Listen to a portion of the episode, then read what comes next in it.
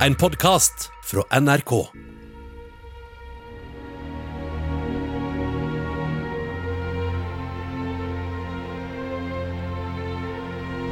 Korporal Lars Dongeri Oppholdsnes er i dag 36 år gammel, uføretrygdet og bor i en kommunal leilighet på Tveita i Oslo.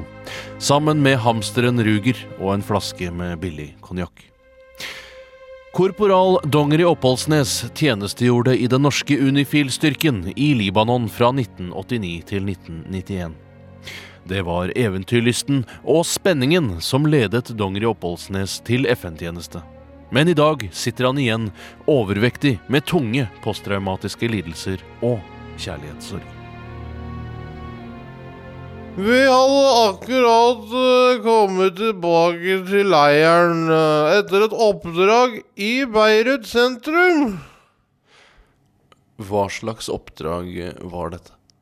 Operasjon kjøpe is. Og hva gikk det ut på? Det er dessverre konfidensielt. Dere hadde akkurat kommet tilbake etter operasjon kjøpe is. Hva skjedde da?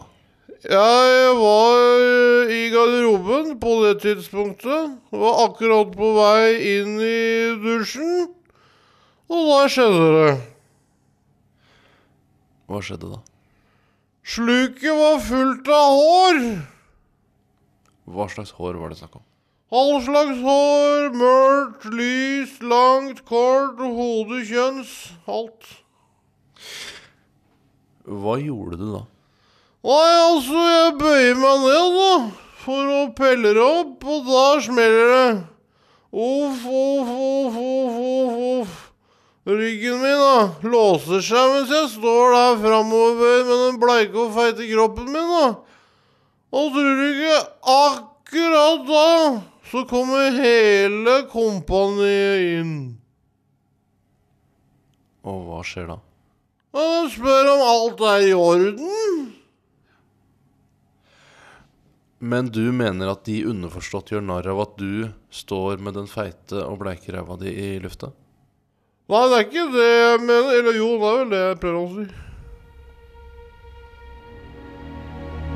For denne episoden krever Lars Dongeri Oppholdsnes 30 millioner kroner av det norske forsvaret. Dette mener han bør komme på toppen av hovedkravet på 155 millioner kroner. I tillegg hevder han at medsoldater i 6. kompani skylder han 330 kroner for de 40 libanesiske kronesisene han la ut for. Angrer du på at du dro til Libanon som soldat? Ja! Hvis du fikk velge om igjen i dag, hva ville du gjort da? Begynt på frisørlinja på Strømmen videregående skole. Hvorfor det? Jeg er veldig interessert i sakser. Alltid vært det. Hvorfor det? Jeg mener at uh, sakser er knivens arvtaker. Men sakser vil vel aldri kunne erstatte kniver? Du kan jo ikke klippe brød, f.eks.